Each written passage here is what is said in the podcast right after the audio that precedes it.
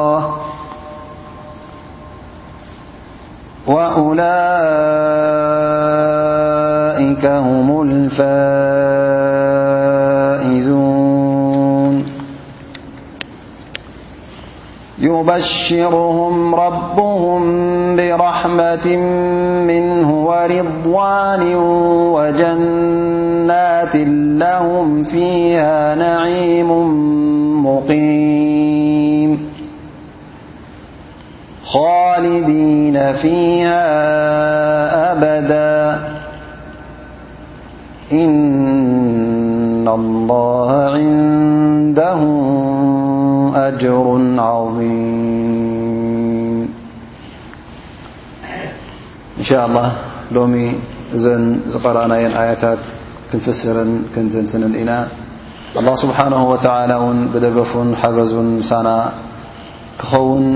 ዱዓ ንገብር። ኣብ ዝሓለፈ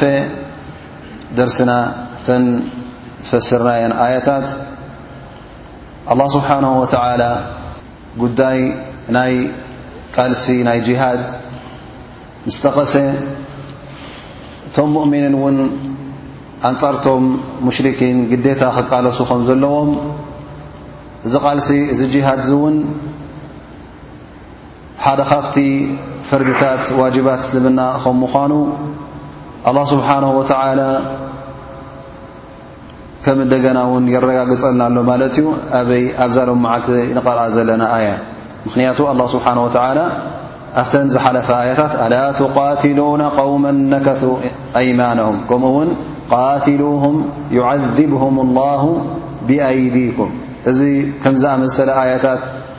ምስ ጠቐሰ ኣላ ስብሓን ወተላ ነቶም ሙእምኒን በዛ ኣያ እዚኣ ገይሩ እውን እቲ ጉዳይ ጅሃድ እቲ ጉዳይ ቃልሲ እውን ሓደ ፈተና ከም ምዃኑ ነቶም ሙእምኒን ከም ፈተና ማለት ኣላ ስብሓን ወተላ እቶም ሙእምኒን ብሓቂ ድኦም ኣብ መገዲ ኢማን ዘለዉ ወይስ ላንጋ ላንጋ እዩ ዘሎ መርገጾም ኣላ ስብሓን ወተዓላ ንኽፍትኖም ዝኣዘዞ ዋጅብ ግዴታ ከም ምዃኑ ኣብዚ ኣያ እዚኣ የብርሃልና ኣሎ ማለት እዩ ፈየቁሉ ላ ስብሓን ወተላ ልልሙእምኒን ነቶም ሙእምኒን እንታይ ይብሎም ኣም ሓሲብቱም ኣን ትትረኩ ኣዩሃ ልሙእሚኑን ኣንቱም ሙእሚኒን ኣላ ስብሓን ወተዓላ ንሕና ኣሚንና ኢና ንሕና መገዲ እስልምና ሒዝና ኢና ኢልኩም ብኣፍኩም ናይ ተዛረብኩም ብኡ ጥራይ እቲ ጉዳይ ዝጭረስ ዶ መሲሉኩም እቲ ኢማን ቀሊል ነገር ኣይኮነን ኣላህ ስብሓን ወተዓላ እውን ከይመርመረ ከይፈተነ እውን ኣይገድፈኩምን እዩ ምኽንያቱ ኢማን ክበሃል እንከሎ ናይ ብሓቂ ኢማን ኮይኑ ኣብ ልብኻ ክስቆረካ እንከሎ ኩሉ ትእዛዛት ኣላ ስብሓን ወተዓላ እሽልካ ክትቅበሎ ማለት እዩ ወላ ውን ኣብ ነፍስኻን ኣብ ማልካን ኣብ ጥዕናኻን ጉድኣት ይወርደኒልካ ውን ወላ ውን ይሰማዕካ ዳኣ እንበር ኣላ ስብሓን ወተላ ዝኣዘዞ ኩሉ ግዜ ሕራይልካ እሺልካ ክትቅበሎ ኣለካ ስለዚ ጉዳይ ናይ ጅሃድ ቀሊል ኣይኮነን እሱ ክትእዘዝ ከለኻ ውን ሕጂ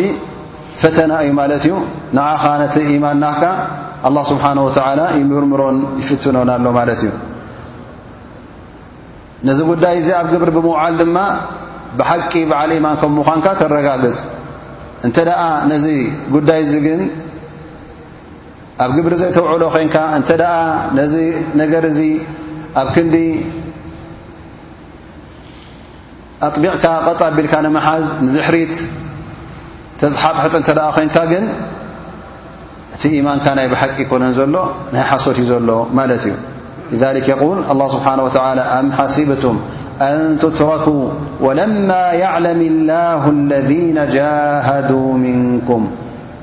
ولم يتخذوا من دون الله ولا رسوله ولا المؤمنين وليجة الله سبحانه وتعالى إذن نتم برت نم مؤمنين በዚ ጉዳይ እዚ ክምርምሮም እዩ ኣለذነ ጃሃዱ እቶም ተቓለሱ ማለት እዩ ኣንጻር መን ኣንጻርቶም ክሓቲ ከምቲ ኣላ ስብሓን ወተዓላ ዝኣዘዞም ጉዳይ ጅሃድ ንዕኡ ዝፍጽሙ እንተ ደኣ ኮይኖም እዞም ሰባት እዚኦም ተዓዊቶም ማለት እዩ ኣብቲ ፈተና እውን ሓሊፎምን ተዓዊቶምን ማለት እዩ ወላ ስብሓን ወተዓላ ብዚ ኣያ እዚኣ እውን እንታይ ጠቅስ ኣሎ ጌና ኣብቲ ግዜ እቲ ብዝያዳ እቶም ሙእምኒን ምስቶም ሙሽርኪን እንታይ ነይሩ ማለት እዩ ርክብ ነይሩ ማለት እዩ ናይ ምንታይ ናይ ዝምድና ኮይኑ ናይ ቀቢላ ርክብ ኮይኑ ናይ ካልእ ናይ ኣዱንያ ነገር ናይ ንግዲ ኮይኑ ናይ ካልእ ዓይነት ማላዊ ርክባትን ረብሓታትን ጥቕምታትን ነይርዎም እዩ ስለዚ ኣላህ ስብሓን ወተዓላ እዚ ረብሓታት እዚ ገዲፍካ እዚ ናይ ኣዱንያ ጥቕሚ ሰጊርካ ነቲ ናይ ኣላህ ስብሓን ወተዓላ ጥራይ ርክብ ንዑ ጥራይ ዘትርሩን ነቲ ቅድሚ ሕጂ ዝነበረ ምስቶም ሙሽርኪን ርክባት ንዕኡ ዝበትኩን ኣላህ ስብሓን ወተዓላ ንኽመሚ ዝኣዘዞ ትእዛዝ ከም ምዃኑ የብርህ ኣሎ ማለት እዩ ምክንያቱ ኣብዛ ሱራ እዚኣ ከምቲ ዝረኣናያ መጀመርያ ኣላ ስብሓን ወተላ ይኹን ነቢና ሙሓመድ ለ ላ ለ ወሰለም ይኹን ሰዓብቲ ነቢና ሙሓመድ ለ ላ ለ ወሰለም እውን ካብቶም ሙሽርኪን እንታይ ኮይኖም ናፃ ኮይኖም ማለት እዩ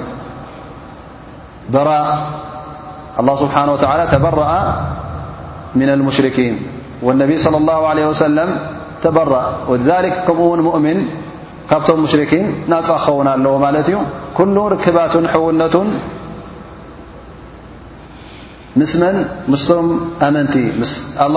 ትእዛዛት ኣላ ስብሓን ወተዓላ ምስ ትእዛዛት ነቢና ሙሓመድ ለ ላ ለ ወሰለም ጥራይ ክኸውን ስለ ዘለዎ እቲ ጅሃድ ንገዛእ ርእሱ እውን ነዚ ጉዳይ እዚ ዘረጋግጽ ኮይኑ ይርከብ ወለማ ያዕለም ላሁ ለذነ ጃሃዱ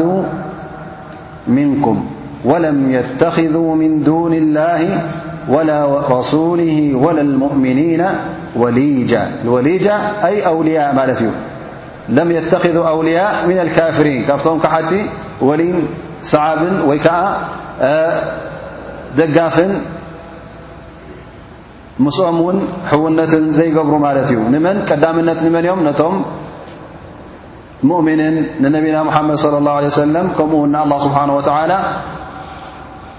ምስኦም እዮም ቀጢሎም ዝኸዱ ድኣ እምበር ነቲ ቅድሚ ሕጂ ዝነበረ ርክብ ምስቶም ክሓቲ ዝነበረ ንኹሉ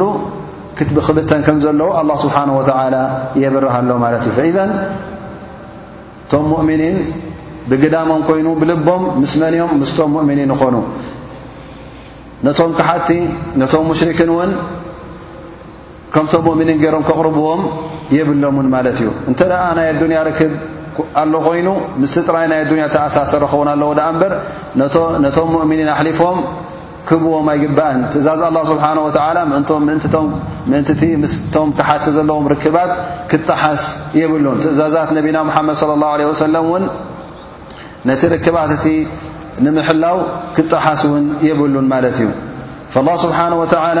እዚ ጉዳይ እዚ ንገዛእ ርእሱ ዓብ ፈተና ከም ምዃኑ እሞ እቶም ሙእምኒን ተባሂሎም ዘለዉ ብሓቂ ነቲ መገዲ ቓልሲ ይኸድዎ ድዮም ወይስ የድሓርሕሩ ኣብዚ ፈተና እዚ እውን እቲ ርክባቶም ምስቶም ክሓቲ ዘሎ ንዕኡ ድዩ ዝዓጅቦም ወይስ ሕውነቶም ርክባቶም ምስቶም ሙእምኒን ትእዛዛት ኣላህ ስብሓን ወተዓላ ንምኽባር ትእዛዛት ነቢና ሙሓመድ ስለ ላሁ ለ ወሰለም ንምኽባር ጥራይ እዮም ንዕኡ ዘቐድሙ ኣላ ስብሓን ወተዓላ ከም ፈተና ገይርዎ ማለት እዩ ላ ስብሓን ወተላ ኣብዚ ኣያ ጥራይ ኣይኮነን ኣብ ብዙሓት ኣያታት እውን እንተ ተመሊስና ርኢና ኣላ ስብሓን ወተዓላ እዚ ከም ዝኣመሰለ ፈተና تقس ي يقول الله سبحانه وتعالى ألإفلاميم أحسب الناس أن يتركوا أن يقولوا آمنا وهم لا يفتنون ولقد فتن الذين من قبلهم فليعلمن الله الذين صدقوا وليعلمن الكاذبين ጥራይ ብኣፍካ ኣሚና ናይ ዝብልካ ይኮነን ሓሲበ ናሱ ኣን ይትረኩ ኣን የقሉ ኣመና ኣፍካ ጥራይ ኣሚና ንሕና እስላም ኢና ንሕና መገዲ ኣላ ስብሓን ወተላ ዝሓዝና ኢና ንኽትብል ቀሊል ነገር እዩ ግን ኣበይቲ መመያ ዝመፅእ ኣብ ተግባር ተግባራትካ ንሱይ ብቐንዲ ዝምስክረልካ እዚ ነገር እዚ እውን ብኣና ዝተጀመረ ኣይኮነን ብግዜ ነቢና ሙሓመድ صለ ላه ለ ሰለም ወይ ከዓ ብሸሪዓት እስልምና ነቢና ሙሓመድ صለ ላሁ ለ ወሰለም ሒዞሞ ዝመፁ ብኡ ዝተጀመረ ኣይኮነን እንታይ ደኣ ቅድሚ ሕጂ እውን ኣላ ስብሓን ወተዓላ ነቶም ዝሓለፉ ሰዓብቲ ኣንብያ ከምዚ ዝኣመሰለ ፈተናን ከም ዝኣመሰለ ምርምራን ከም ዝሓለፈ ወለቐድ ፈተና ለذነ ምን ቐብልህም ኢሉና ኣላ ስብሓን ወተላ እቶም ቅድሜኹም ዝነበሩ እውን ኣላ ስብሓን ወተዓላ ኣብ ፈተና ኣውዲቕዎም እዩ ብኡ ድማ እቶም ብሓቂ ንመገዲ ሓቂ ዝመረፁ ተመምዮም እቶም ሓቀኛታት እውን ተፈሊጦም እቶም ሓሰውትን ሙናፍቒንን ከዓ ተመምዮም ማለት እዩ ወየቁል ስብሓን ወተላ ፊ ኣየት እኽራ ካል ኣያ እውን ኣላ ስብሓን ወተላ ይብል ኣም ሓሲብቱም ኣን ተድኹሉ ልጀና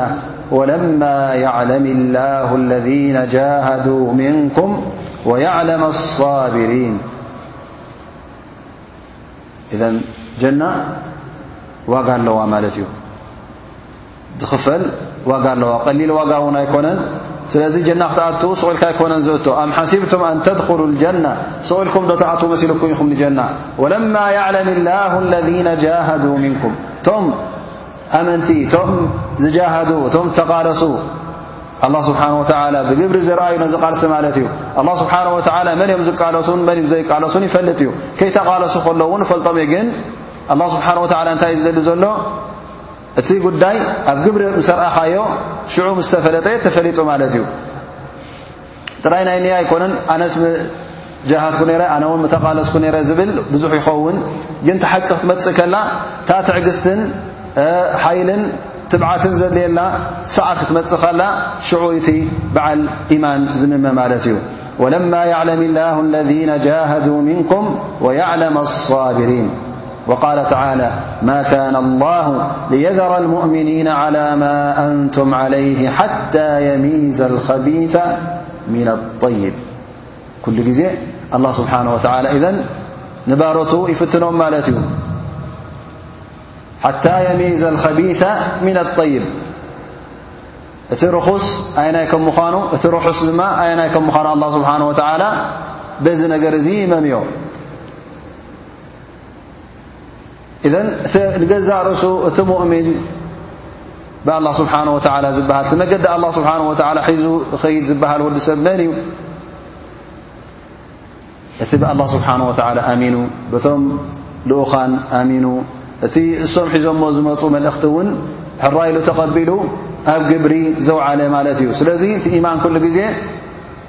ጥራይ ኣብቲ ልብኻ ዘሎ ኣይኮነን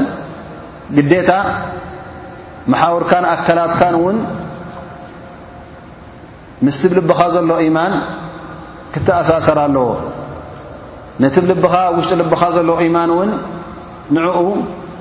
ከግህድ ኣለዎ ማለት እዩ እዚ ምንቅስቓሳት ናትካ ነቲ ኣብ ውሽጢ ልብኻ ተሓቢኡ ዘሎ ንዕኡ የግህድ ማለት እዩ ኢዘን በዓል ኢማን እንተ ደኣ ዄንካ ጣዓቱላህ ምዘዛ ኣላ ስብሓን ወተዓላ ኣብ ተግባራትካ ኸተርኢ ኢኻ እንተ ደኣ ግን ሙናፍቕ ኴንካ እቲ ብኣፍካ ትብሎ ዘለኻ ኣሚነ ኣብ ልብኻ ግን ናይ ብሓቂ እምነት ስለ ዘየሎ እንታይ ኢኻ ኸተርኢ ማለት እዩ እንታይ ኢኻ ከተግህድ እቲ ናይ ኒፋቕ ተግባር ኢኻ ተግህድ ማለት እዩ ስለዚ ኣላ ስብሓን ወተዓላ በዚ ትእዛዛት እዚ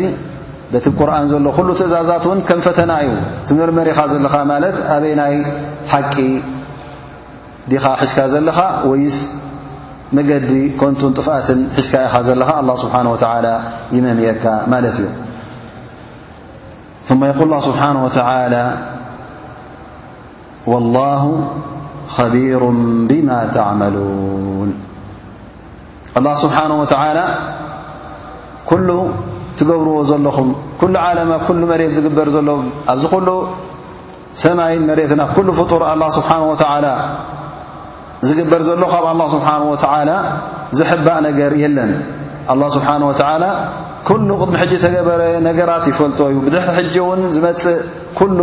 ይፈልጦ እዩ ካብኡ ዝሕባእ የለን ወላ እውን እቲ ዘይተገብረ ነገር እንተዝኸውን ነይሩ ከመይ ከም ዝኸውን እውን ኣላ ስብሓን ወተዓላ ኣጥቢቑ ይፈልጦ እዩ ስለዚ ካብ ኣላ ስብሓን ወተዓላ ዝሕባእ የለን ምኽንያቱ ንሱ ጎይታና ስለ ዝኾነ ንሙሉእ ዓለም ንሱ እውን ስለ ዝፈጠረ ኣላ ስብሓን ወተዓላ ካብኡ ዝሕባእ ነገር የለን ወላሁ ኸቢሩን ብማ ተዕመሉን እዘን ኩሉ ትገብርዎ ዘለኹም ኣላ ስብሓን ወተዓላ ይርእሎ ይፈልጦ ኣሎ ካበይ ተበጊስኩም ውን ትገብርዎ ከም ዘለኹም ይዕዘበኩም ኣሎ ማለት እዩ ኣላ ስብሓን ወተዓላ እቶም ሰብ ኢማን እውን ካብ እምነት ተበጊሶም ድኦም ነቲ ጉዳይ ዘጽድቕዎ ዘለዉ ወይስ ካብ ምንታይ ተበጊሶም እዮም ኣላ ስብሓን ወተዓላ ይፈልጥዎ እዩ ማለት እዩ ካብኡ ዝሕባእ የለን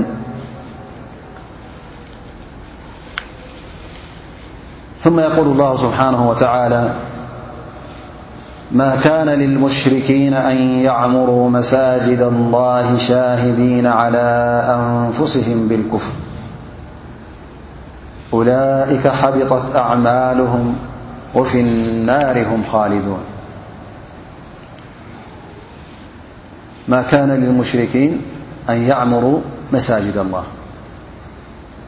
ፈጺሙ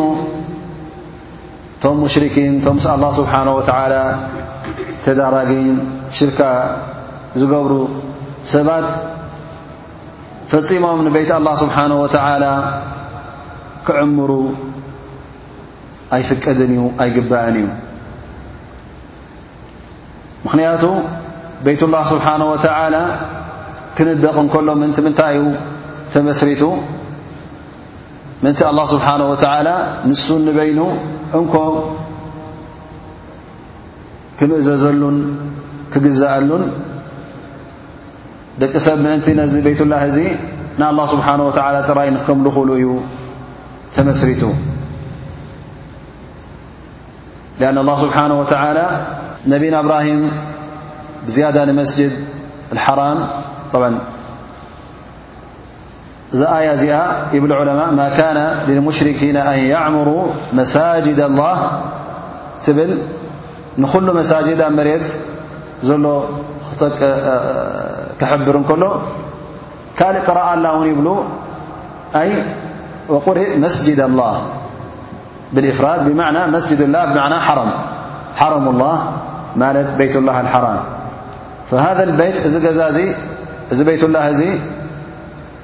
ኣወል ማ ኡስስ መጀመርያ ክህነፅ እንከሎ ምእንቲ ምንታይ ተሃኒፁ ነብና እብራሂም ክሃንፆ እንከሎ ንኣላ ስብሓን ወተዓላ ንኽግዛኣሉን ንኽምእለኸሉን ስለ ዝኾነ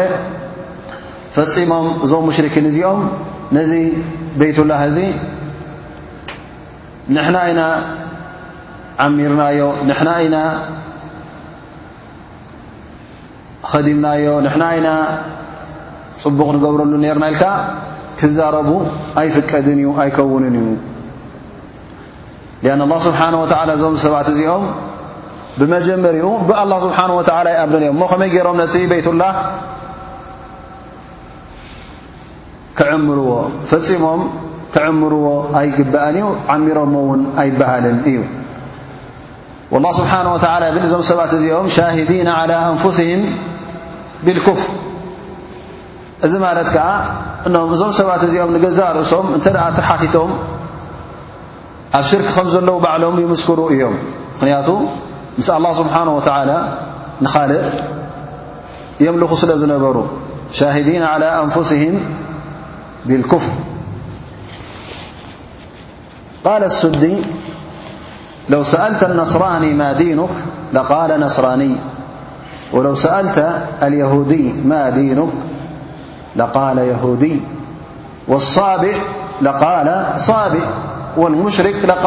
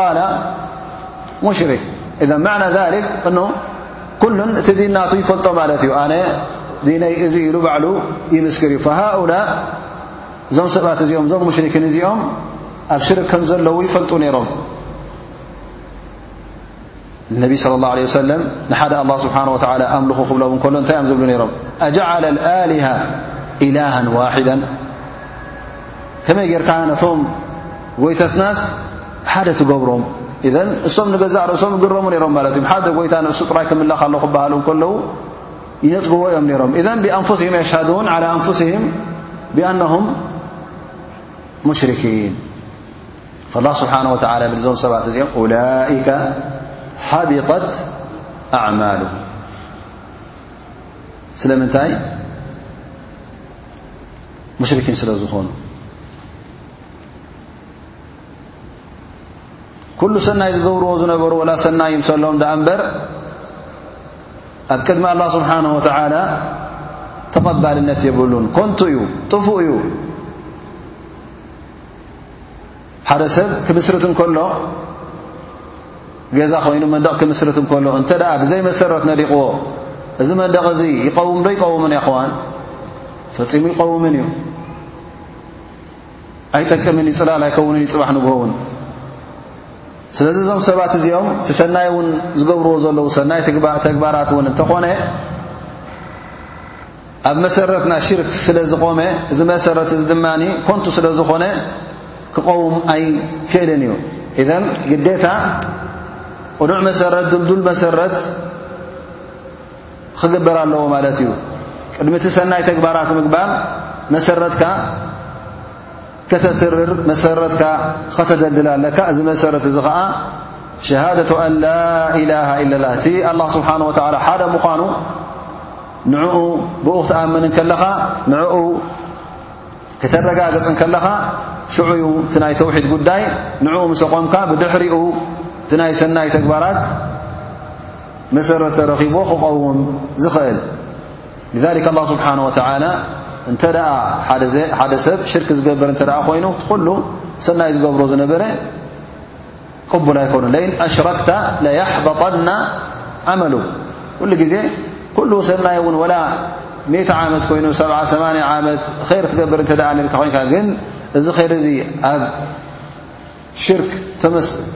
ኣብ ሽርክ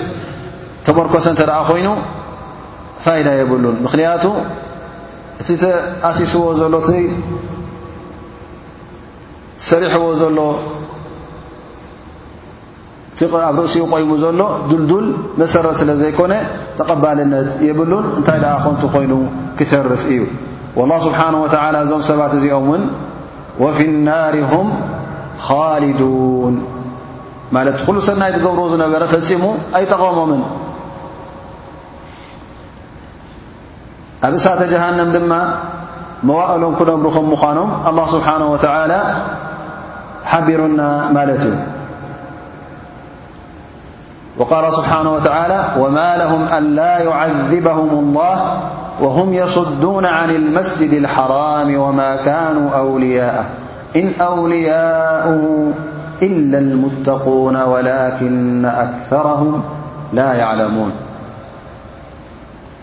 እዘን ቶም ሙሽርኪን ወላ እውን ኣብቲ ቤይትላ ነይሮም ይኹኑ ደኣ እምበር ነዚ ቤይትላ እዚ እውን ነኽብሮ ኢና ነርና ንዕምሮ ኢና ነርና ንሰናዩ ንፈቱ ነርና ነቶም ሕጃጅ ዝመፁ ነቶም ኣጋይሹ ንቕበል ነርና ይበሉ ደኣ እምበር እዚ ዅሉ ጠቓሚ ኣይኮነን ምኽንያቱ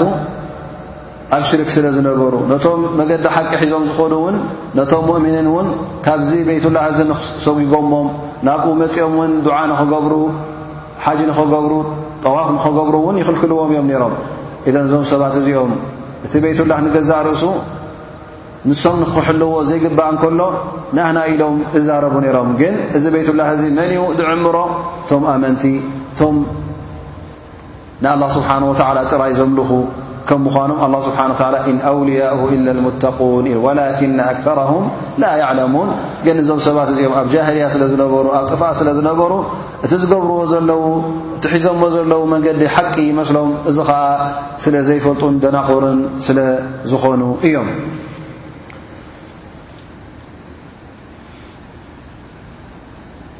ብድሕሪ እዚ ኣላ ስብሓን ወተዓላ እዚ ቤትላህ እዚ ዝዕምርን እዚ ቤትላህ እዚ ዘኽብርን ብሓቂ መን ከም ምዃኖም يتنتنم أبا آيا ي تمس زل آية ملت እي فيقول الله سبحانه وتعالى إنما يعمر مساجد الله من آمن بالله واليوم الآخر وأقام الصلاة وآت الزكاة ولم يخشى إلا الله فعሳ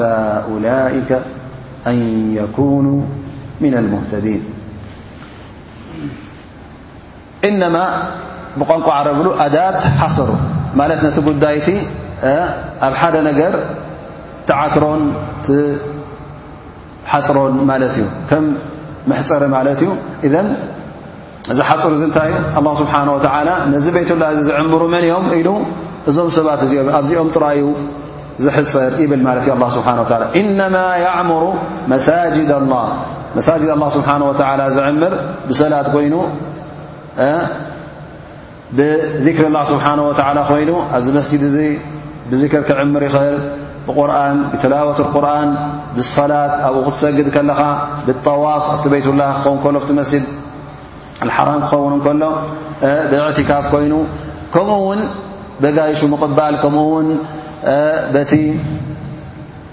ኣላ ስብሓን ወተዓላ ዝኣዞ ነገራት ኣብኡ ምግባር ንዕኡ ንምዕራይ ንዕኡ እውን ምፅብባቕ እንተ ደኣ ኮይኑ ንዕኡ ንምህናፅ እንተ ደኣ ኮይኑ ኩሉ እዚ ነገራት እዚ መን እዩ ዝገብሮ እቶም ሙእምኒን እዮም ዝገብሮ ኢነማ ያዕሙሩ መሳጅድ ኣላ መን ኣመና ብላህ ብኣላ ስብሓን ወተዓላ ዝኣመነ ኣላ ስብሓን ወተዓላ ሓደ ከም ምዃኑ ኣሚኑ ኣምልኾት ኩሉ እውን ብጀካ ንዕኡ ንኻልእ ክወሃብ ከም ዘይፍቀድ ኣሚኑ ብተግባሩ እውን ነዚ ነገር እዚ ዝፍጽም ክኸውን ከሎ እዚ እቲ ሙእምን ዝበሃል መን ኣመነ ብላህ ኣላ ስብሓን ወተላ ወልየውም ልኣክር ከምኡ እውን መዓልቲ ቅያማ ከም ዘሎ ዝኣምን መዓልቲ ቅያማ ከም ዘሎ ዝኣምን ፅባሕ ንግሆ ኣላ ስብሓን ወተዓላ እዛ ኣዱንያ እዚኣ ከም ዘላቶ ከም ዘይትነብር እንታይ ደኣ መጨረሻ ከም ዘለዋ እዛ ኣዱንያ እዚኣ መሰጋገሪት ደኣ እምበር መንበሪት ኣይኮነትን ስለዚ ኩሉ ወዲ ሰብ ኣብዛ ኣዱንያ እዚኣ ከም ጋያሻይ እዩ ደኣ እምበር ከም ነባሪ ኣይኮነን ስለዚ እዛ ኣዱንያ እዚኣ ስንቂ ክማልኣላ ኣለዎ ለይለይቲ ነታ ቐንዲ ዓዱ ጽባሕ ንግሆ ዝኸደላ ዘሎ እዚ ሰብ እዚ ዕድሚኡ መደምደምታን መፈጸምታን ስለ ዘለዎ ምስ ሞተ ኣብ ቅድሚ ኣላ ስብሓን ወተዓላ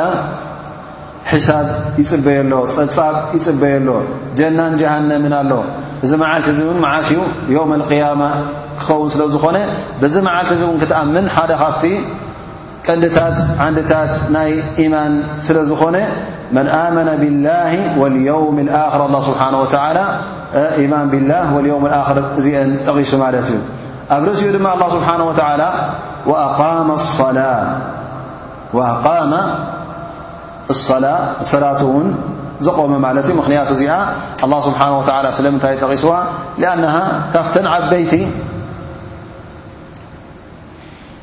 ዒባዳት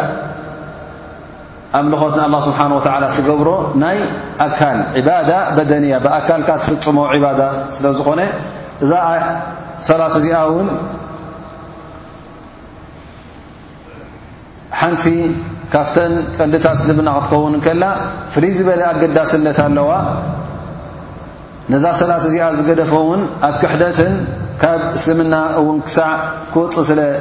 ዝኽእል ኣላ ስብሓን ወተዓላ ኣገዳስነት ስለ ዘለዋ ነዛ ጉዳይ እዚኣ ነዛ ሰላት እዚኣ ኣብዛ ኣያ እዚኣ ጠቒስዋ ኣቃመ ኣሰላተ ነዚ ሰላት እዚ እውን ኣቃመ ኣሰላት ክበሃል እንከሎ ልክዕ ከምቲ ኣላህ ስብሓን ወተዓላ ዝኣዘቦ ጌርካ ከተቕሞ ከለኻ ኢኻ ኣቃመ ሰላ ዝበሃል ድኣ እምበር እንተ ደኣ ሓንሳእ ሽሩጥ እናገደፍካ ካብቲ ቅድሚ ክነቱ እናገደፍካ ሓንሳእ ካብቲ ሓደ ኣርካን እናገደፍካ ካብቲ ሱናታቱ እናጓደልካ እንተ ደኣ ትገብሮ ኣለኻ ኮይንካ ጌና ነቲ ሰላት እቲ እውን ብሓቂ ኣቒምካዮ ትቝፀርን ኢኻ እንታይ ደኣ ጕድለት ኣለካ ማለት እዩ ምናልባሽ ዝሰላት ዝሰለግዶ ዘለኻ ፅባሕ ንግሆ ኣላ ስብሓን ወተዓላ ካብቲ ኩሉ ዝስረታዕካዮን ዝሰደትካዮን ወላ ሓንቲ ኣይተቐበልኩን ክብለካ ይኽእል እዩ ምኽንያቱ እንተ ከምቲ ነቢ صለ ላሁ ለ ወሰለም ዘፅሑልካ ጌርካ ሰሉ ከማ ረኣይቱሙኒ እሰሊ ስለ ዝበሉ ከምቲ ነቢ ለ ላ ለ ሰለም ገይሮም ዝሰግድዎ ዝነበሩ እተ ጌርካ ዘይሰገድካ ሰላትካ ቅብልቲ እውን ምናልባሽ ኣይትኸውኑን ስለዚ ተጠንቀቕ ሰላ ክትሰግድ ከለኻ ናይ ብሓቂ ኢቃመቱ ሰላ ዝበሃል ቀጥ ኣቢልካ ትኽ ኣቢልካ ከተቑማ እዩ ዝግባእ ወኣተ ዘካ ኣላ ስብሓን ወተዓላ እውን እዚኣ ካብቲ ዝበለፀ ተግባራት ጥራይ ጥቕሙ ንዓኻ ዘይኮነ እንታይ ደኣ ናብ ካልኦት ፍጡራት ናብቶም ሰባት ጥቕሙ ዝመሓላለፍ ስለ ዝኾነ ኣላ ስብሓን ወተዓላ እውን ነዛ ሓንቲ ካብተን ኣርካን እስላም ብድሕሪ ሰላት ትርከብ እውን ይጠቅስ ማለት እዩ ወኣተ ዘካ ዘካት እውን እንተ ደኣ ሂቦም እቶም ሙእምኒን ማለት እዩ ንዕኦም ኣላ ስብሓን ወተዓላ ይሕብረና ኣሎ ማለት እዩ እቶም ንቤይትላ ስብሓን ወተዓላ ክዕምሩ ዝፍቀዶምን ዝግብኦምን እዞም ሰባት ከም ምዃኖም ኢማን ቢላህ ዘለዎም ኢማን ብልየውም ኣክር ዘለዎም ሰላቶም ቀጥ ኣቢሎም ዝሕዙ ኣብ ርእሲኡ ድማ ዘካቶም እውን ዘውፅኡ ዘካቶም ነቶም ዝግብኦም ሸናኽ ነቶም ዝግብኦም ወገን ዝኸፍሉ ማለት እዩ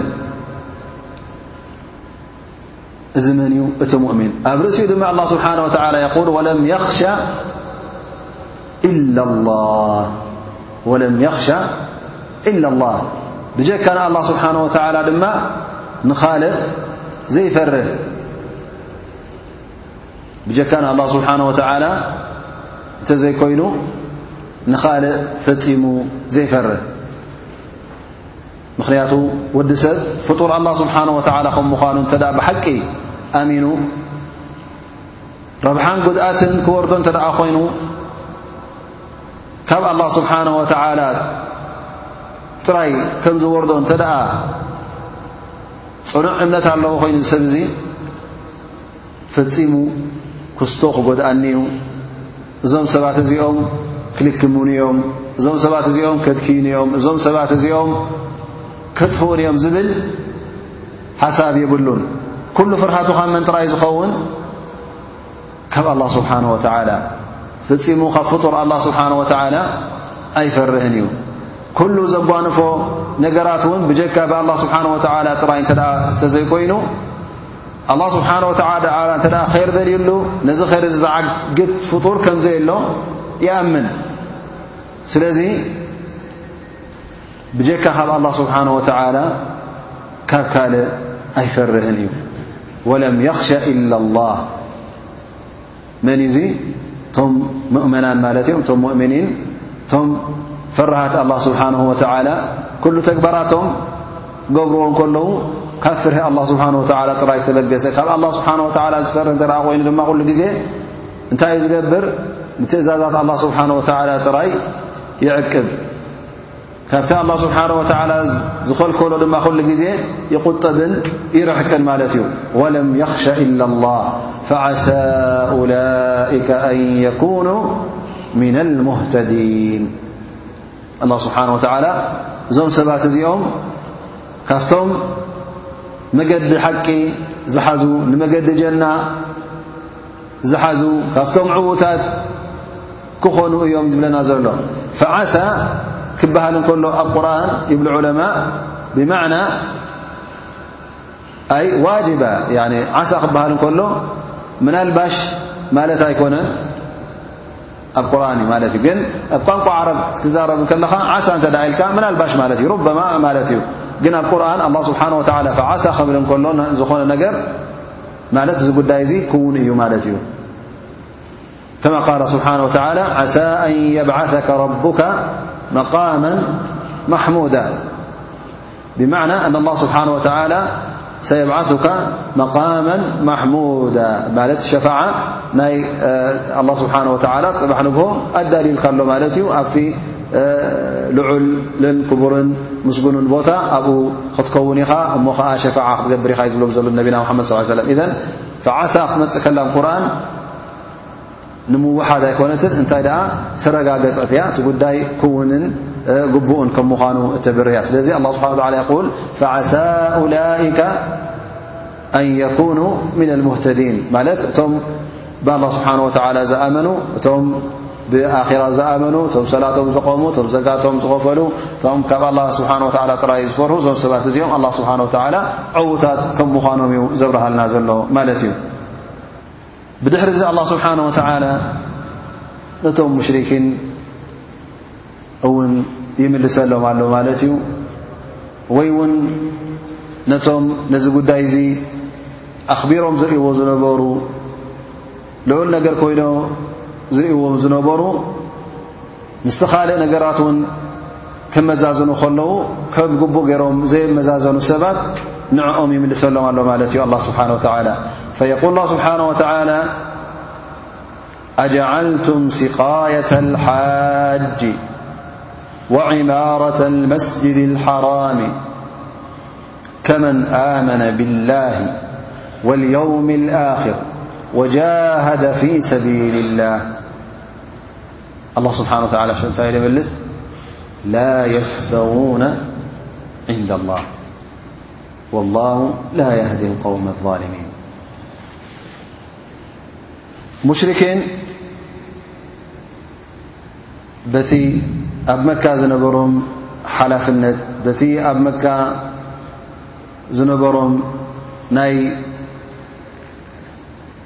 ካዕባ ንዓኣ ከነኣኸንዋ ስለ ዝነበሩ ሕጃጅ ክሕጅጁ ክመፁ ከለዉ ድማ ማይ ካብቲ ማይ ዘምዘም ማይ እናስተዩ ይቕበልዎም ስለ ዝነበሩ ነዚ ነገር እዚ ይሕበንሉ ነይሮም ዓብ ነገር ኮይኑ እውን ስለ ዝረኸብዎ ከም ዓብ ነገር ኮይኑ ውን የቕርብዎ ነይሮም ማለት እዩ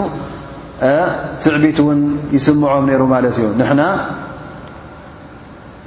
ደቂ እዚ ገዛ ኢና ነዚ ቤትላ እዚ ነኽብር ነዚ ቤትላ እዚ እውን ንዕምር ንከናኸኖ ንሕልዎ ይብሉ ነይሮም ስለዚ እዚ ስምዒት እዚ ስለ ተሰምዖም እዚ ትዕቢት እዚ እናተሰምዖም ኣብ ርእሲኡ ድማ ነቲ ኣላህ ስብሓን ወተዓላ ዝለኣኾ ነቢ ነቲ ዘውር ዝነበረ ኣያታት እውን ክነፅጉ ተረኺቦም ላ ስብሓን ወተዓላ እቲ ዝገብርዎ ዝነበሩ ናይ ቤይትላህ ምክንኻን ምስቲ ኣንጻር ነቢና ሙሓመድ صለ ላሁ ለ ወሰለም ኣንጻር ትእዛዛት ኣላ ስብሓን ወተዓላ ዝገበርዎ ተግባር ዝቖምዎ እውን ክሕብረና እንከሎ እዚ ነገር እዚ ፍጹም ተቐባልነት ከም ዘይብሉ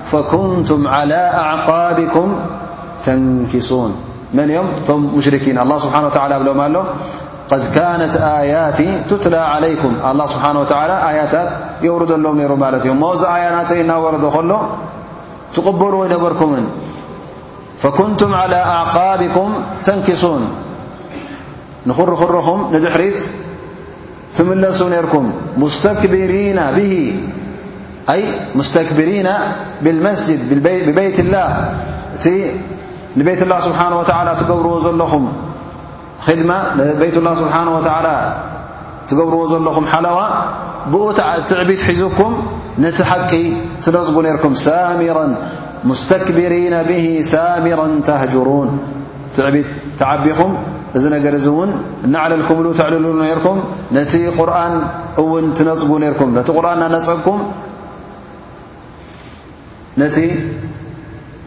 ቤይትላህ ብምክንኻንኩም ንዕኡ ትዕቢት ስምዓኩም ነይሩ ኢሉ ኣላ ስብሓን ወተዓላ እዚ ነገር እዚ እውን ይሕብሮም ማለት እዩ ፈብዛ ኣያ እዚኣ ኣላ ስብሓን ወተዓላ ይብል ኣጀዓልቱም ስቃየት ልሓጅ እንታይ ከም ትገብሩ ነይርኩም ነቶም ሕጃጅ ዝመጹ ማይ ተቕርብሎም ነርኩም ወዒማረት ኣልመስጅድ ልሓራም ነቲ ቤይትላህ ድማ እንተ ገለገለ ተበላሹ እና መዕራረኹም እናጸገንኩም ተሕልፍዎ ነርኩም እሞ እዚ ነገር እዚ ልክዕ ከምቲ ብኣላ ስብሓን ወተዓላ ዝኣመነ ሰብን ብመዓልቲ ቅያማ ዝኣመነን ምእንቲ ኣላ ስብሓን ወተዓላ ኢሉ ፊ ሰቢልላ ንእስልምና ኢሉ ተቓለሰን ከምኡ ጌርኩም ትቖፅርዎ እዚ ነገር እዚ የበቁል ኣላ ስብሓን ወተላ ላ የስተውነ ዕንደ ላ ፈፂሞም ሓደ ኣይኮኑን እዮም ማዕረ ውን ኣይኮኑን ከመይ ገይሮም ከ ማዕረ ኮኑ እዚ ትገብርዎ ዘለኹም ሰናይ ተግባር ኮይኑ ይሰማዕኩም ዳኣ እምበር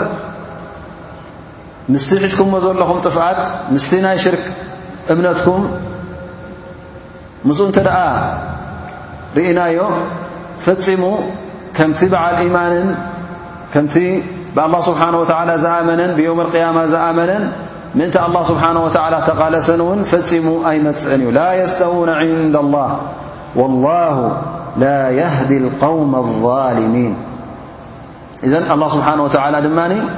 እቶም ዓመፀኛታት ፈፂሙ ንመገዲ ሓቂ ኣይሕብሮምን እዩ መገዲ ሓቂ እውን ኣይርእዮምን እዩ መን እዮም እዞም ዓመፀኛታት እዞም ዛልሚን ዝብሎም ዘሎ ኣላ ስብሓን ወተዓላ እቶም ሙሽርኪን ሊኣነ ሽርክ ምን ኣዕም ኣዕዘመ ኣልዙልም እቲ ዝበኣሰን እቲ ዝኸፈአን ዓመፅ እንታይ እዩ ሽርክ ስለ ዝኾነ ኣላ ስብሓን ወተዓላ ነዞም ሰባት እዚኦም ዛልሚን ኢሉ ጠቒስዎም ማለት እዩ ምኽንያቱ እዞም ሰባት እዚኦም እቲ ዓመፆም እውን እንታይ ዘርእካ ዘሎ ነቲ ዕማረት ልበይት ወስቃየት ልሓጅ ካብ ኢማን ንላዕሊ ገይሮም ኣቕሪቦሞ ካብ ጅሃድ ፊ ሰቢልላህ ንላዕሊ ገይሮም ኣቕሪቦሞ ኢዘን እዞም ሰባት እዚኦም ንገዛእ ርእሶም ክመዝኑ ከለዉ ክፈርዱ ከለዉ እውን ሓቂ ዘይብሉ ፍርዲ እዮም ዝፈርዱ ዘለዉ ማለት እዩ ምኽንያቱ ከመይ ጌርካ እቲ እምነትን እቲ ክሕደትን ሓደ ዓይኒ ጌርካ ብሓደ ኣረኣያ ጌርካ ትሪኦ እዚ ነገር እዚ ቅቡል ዘይኮነ ነገር ከም ምዃኑ ኣላ ስብሓን ወተላ ይሕብር ኣሎ ማለት እዩ ዕለማ ኢሎም እዚ ኣያ እዚኣ ጠንቂ መውረዲኣ ይብሉ ከምቲ እብኒ ዓባስ ኣብ ተፍሲሩ ዝጠቐሶ እዛ ኣያ እዚኣ ብሰንኪ ኣልዓባስ እብኒ ዓብድልሙጠልብ ወሪዳ ይብሉ ምኽንያቱ ኣልዓባስ እብኒ ዓብድልሙጠልብ ኣብ ኩናት በድር ምስቶም ሙሽርኪን ነይሩ ማለት እዩ ተኣሲሩ ምስቶም ሙሽርኪን ነይሩ ተኣሲሩ ማለት እዩ ፈኢዘን ኣብኡ ሕጂ እንታይ ይብል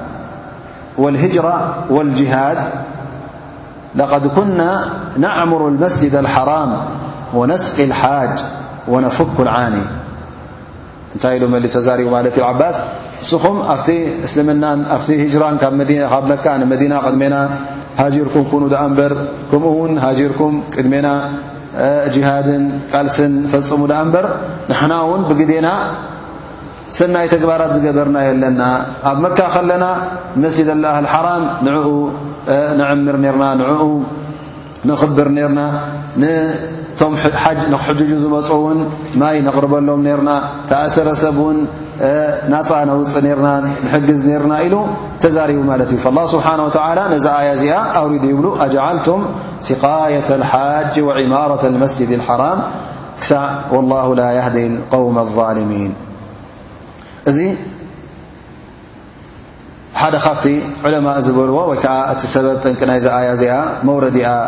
ይብሉ ማለት እዩ ካልእ እውን ኣሎ እዚ ሕጂ ናይ ኣልዓባስ ተዛረቦ እንተ ኮይኑ ካልእ እውን ብዛዕባ እዛ ኣያ እዚኣ ዝወረደ ማለት ጠንቅናታ እውን ትጠቐሰ ኣሎ እዚ ሓዲث እ ብل عن عር ن بشر رض الله عنه أن رجلا ل أل أن لا أعمل عملا بعد الإسلام إلا أن أسقي الحاج وقال آخر ما أبالي أن لا أعمل عملا بعد الإسلام إلا أن أعمر المسجد الحرام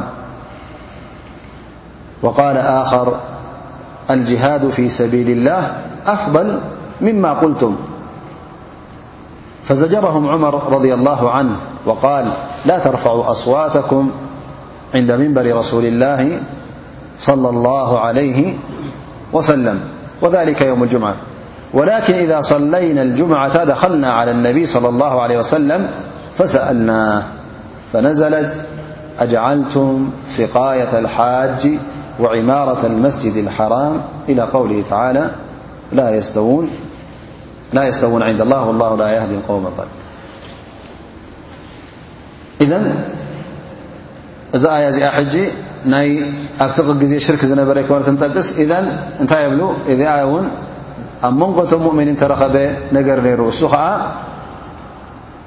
ሓደ ካብቶም ኣስሓብ ነቢ صለ ላه ለ ወሰለም ይብል ኣነስ ብድሕሪ ሕጂ ብድሕሪ ኣብ እስልምና ምእታወይ ዝኾነ ነገር ወላ እውን እንተዘይገበርኩ ጥራይ ነቶም ሕጃጅ ንጃ ነቶም ሓጅ ዝመፁ ንዕኦም ጥራይ እንተ ደኣ ማይ ኣቕሪበሎም ንዕኦም ጥራይ ማይ እተ ኣስተዮም እዚ ይኣኽለኒ ኢሉ ማለት እዩ ኻልኣይ ድማ ይብል ኣነስ ድሕሪ እስልምና ምእታወይ እውን ኩሉ ነገራት ዘይገበርኩ ጥራይ ንቤት ላህ ስብሓን ወተላ ክዕምር መስጅድ ልሓራም ንዕኡ ተገዲሰ ሓለዋ ንክገብረሉ ጥራይ እንተዘይኮይኑ ካልእ ኣይገብርን ኢሉ ይዛረብ ማለት እዩ ሳልሳይ ምፅ ኢሉ ይብሎም ካብዚ ኩሉ ዝበልኩ እሞ ዝበለፀ ጅሃድ ፊ ሰቢልላህ እዩ ይብል ማለት እዩ ከምዚ ኢሎም እናተሰሓሓቡ ከለዉ መን ይመጾም ማለት እዩ ዑመር ብን ጣብ ይሰምዖም ማለት እዩ ፈዘጀረሁም ጅምዓት እዩ ነይሩ ኣብቲ ጥቓ ምንበር ነቢ ስ ሰለም ከምዚ ኢሎም ክሰሓሓቡ ክዛረቡ ስለ ዝሰምዖም ሱቕ በሉ ኣይትዛረረቡ ኣይትቋየቑ ከምዚ ገርኩም ኣይትሰሓሓቡ ነቢ ስለ ላሁ ለ ወሰለም ምስ ብመፀ ዳሕራይ ምስ ሰገድና እንሻ ላ ንሓቶ ኢሉ ይዛረቦም ማለት እዩ ሕራይ ኢሎም ድሕሪ ሰላት ነቢ صለ ላه ለ ሰለም ቀሪቦም ሕቶ ይሓትዎ እንታይት ዝበለፀ ተግባር ኢሉ ኣነን እዞም ብፆተይን ከምዝ ከምዚ ኢልና ተዛሪብና እሞ ከመይ እዩ ኢሎም ምስ ሓተቱ ኣላ ስብሓን ወተላ ነዚ ኣያ እዚኣ ናብ ነቢና ሙሓመድ صለ ላሁ ለ ወሰለም ኣውሪዶም ወይ ከዓ ብ ስብሓ ወላ ናብ ነቢና ሓመድ ስ ሰለም እዚ ኣያ እዚኣ ኣውሪድሎም ማለት እዩ ፈኢዘ ዝኾነ ይኹን ተግባር ብዝያዳ እውን ኣላ ስብሓን ወተዓላ ኣብዚ ኣያ እዚኣ ኸብርሃልና ዝደሊ ዘሎ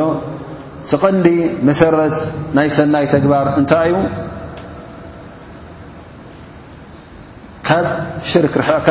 መገዲ እምነት ክትሕዝን ከለኻ እቲ ኢማን ቀዳማይ መሰረት ከም ምዃኑ ስለዚ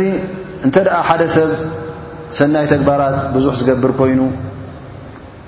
እንተ ናብ ሰናይ ነገር እውን ኩሉ ግዜ ዘድህብ እንተ ኮይኑ ውን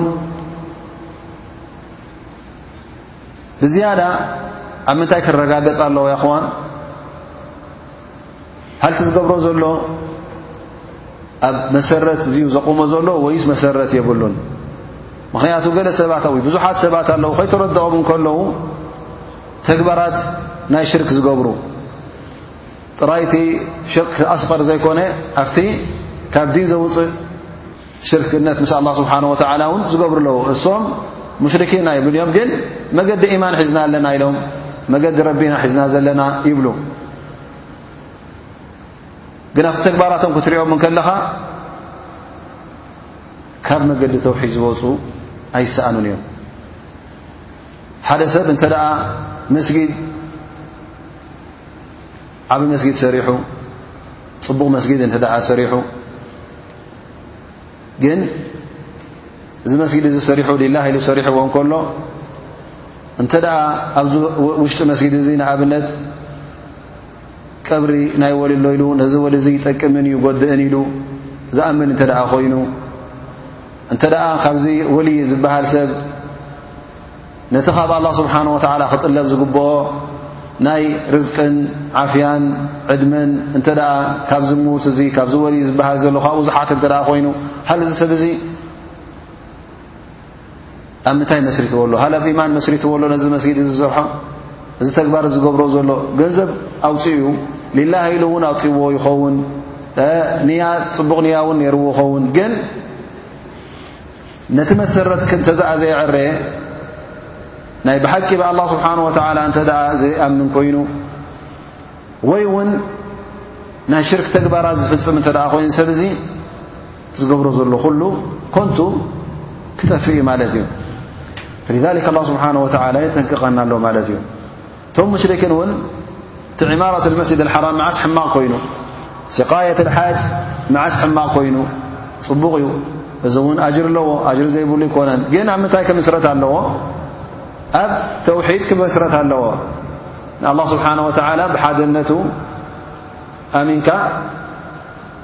ኩሉ ተግባራትካ ድማ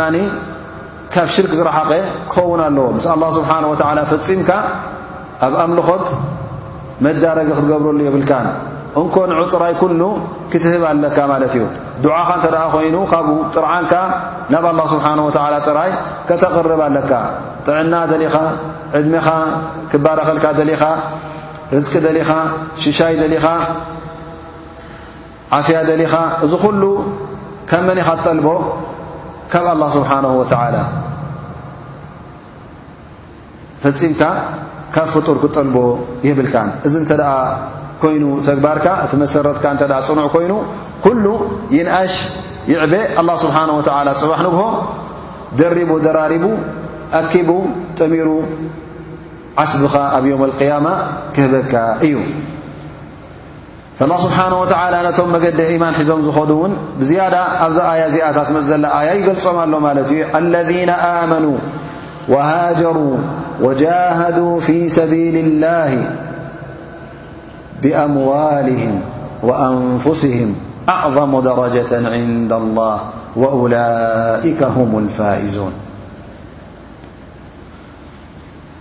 ኣላህ ስብሓን ወተዓላ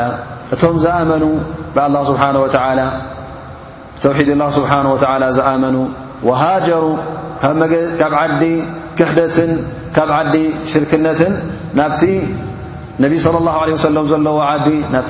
ናብቲ ዓዲ እምነት ናብኡ ዝፈለሱ ወጃሃዱ ኣብ ርእሲኡ ድማ ምእንቲዚ ሒዞሞ ዘለዉ መርገጽን ሒዞሞ ዘለዉ እምነትን ሒዞሞ ዘለዉ እስልምናን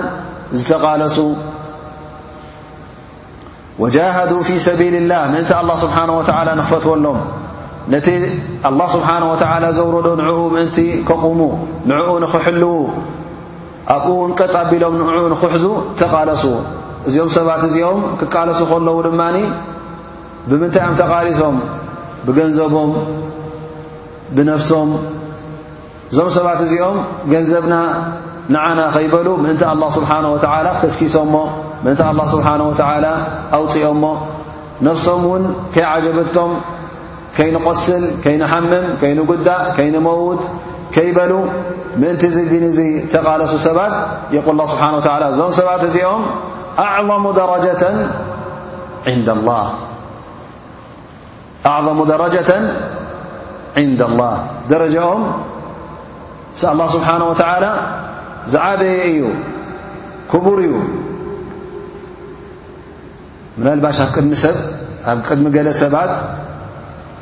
እዚ ናቶም ደረጃ ቅቡል ኣይከውንን እቶም ሙሽርኪን ብኻልእ ዓይኒ ይርእዎም ይኾኑ ላኪን ኣላ ስብሓን ወተላ ይብል እዞም ሰባት እዚኦም እዮም ኣብ ቅድሚ ኣላ ስብሓን ወተላ ዝዓበየ ደረጃ ዘለዎም በል የቁል ወኡላይከ ሁም ልፋኢዙን እዞም ሰባት እዚኦም ድማ እሶም እዮም እቶም ብሓቂ ዕዉታት ክዕወቱ ከለዉ ዕዉት ድማ መን እዩ ሽዑ ዝበሃል እቲ ዝፈርሆ ዝነበረ ካብኡ ክድሕን እንከሎ ነቲ ዝደልዮን ዝፈትዎን ዝነበረ ክረክብ እንከሎ እዚ እቲ ዕዉት ማለት እዩ ዕዉት ክበሃል ከሎ ጀና ደሊ ነይሩ እታ ጀና ክረክብ እንከሎ ካብ ጀሃንም ይጥንቀቕ ነይሩ ድማ ኣላ ስብሓን ወተዓላ ካብታ ጀሃንም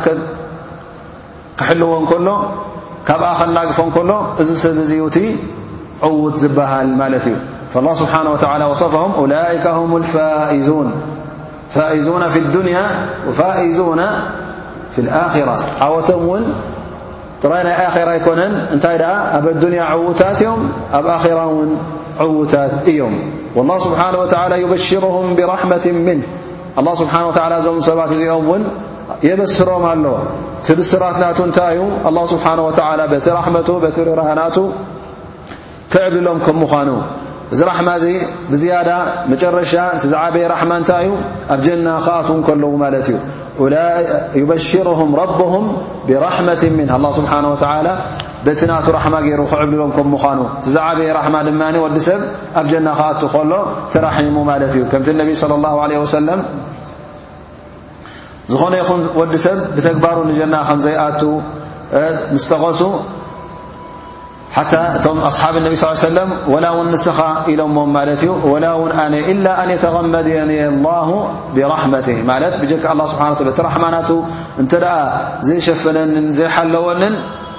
እታ ጀና ውን ብቐላል ኣይትርከብና ኢዘን ብራሕመት ምንሁ በቲ ራሕማናት ክበሃል እንከሎ ጀና ክትኣቱ ከለኻ ብራሕማ ናይ መን ኢኻ ትኣቱ ብራሕመት ላ ስብሓን ወላ ዋሪድዋን ብዝያዳ ድማ ኣላ ስብሓን ወተላ ኣብ ጀና ክኣትዉ ከለዉ ዝበለፀ ኒዕማ ዝረኽብዎን ሽሻይ ኣብ ጀና ዝረኽብዎን እንታይ እዩ ሕሉል ሪድዋን ዓለይህም ሪድ ኣላ ስብሓን ወላ ፍቶት ኣላ ስብሓን ወተላ ክረኽቡ እንከለዉ እሱ ኸዓ ትዝዓበየ ፀጋን ትዝዓበየ ሽሻይ ናብ ጀና ዝርከብ እዩ ማለት እዩ ብራሕመት ምንሁ ወርضዋን ወጀናት ላሁም ፍያ ነዒሙ ሙቂም እዞም ሰባት እዚኦም ውን ሓንቲ ጀና ኣይኮነትን እንታይ ደኣ ብዙሕ ጀናታት ማለት እዩ ኣብ መንጎ ሓንቲ ጀናን ካልይቲ ጀናን እውን ዘሎ ስፍሓት ከማ በይነ ኣሰማእ ወልኣርض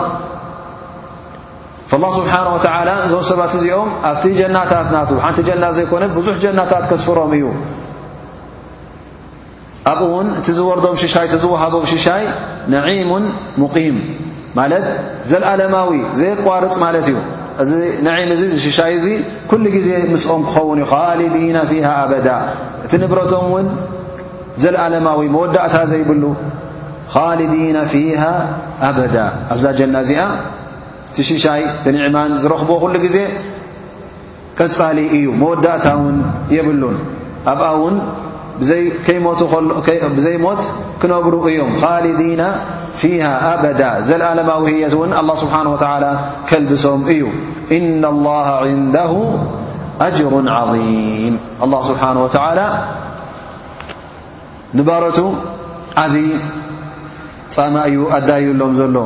ኣብ ዮም ኣልቅያማ ምስ ኣላ ስብሓን ወተዓላ እትረኽቦ ጻማ ቀሊል ኣይኮነን ወዲ ሰብ ዝህበካ ጻማን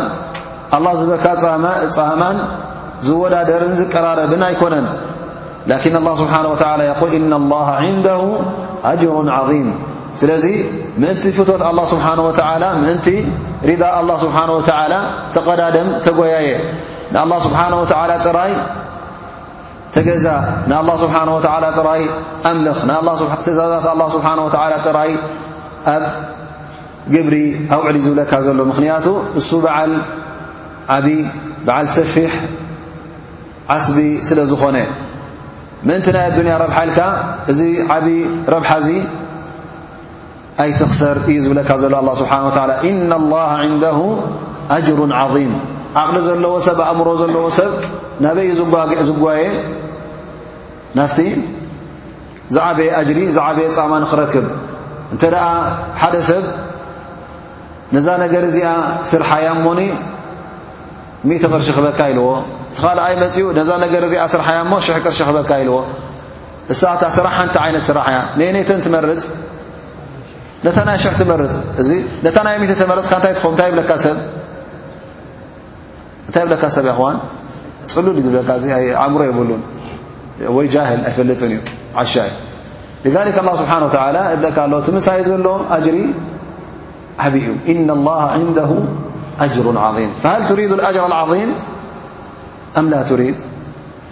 إذن فت بلنت زعبي أجر ل لخا خينك نالله سبحانه وتعالى تمأزز نجد الله سبحانه وتعالى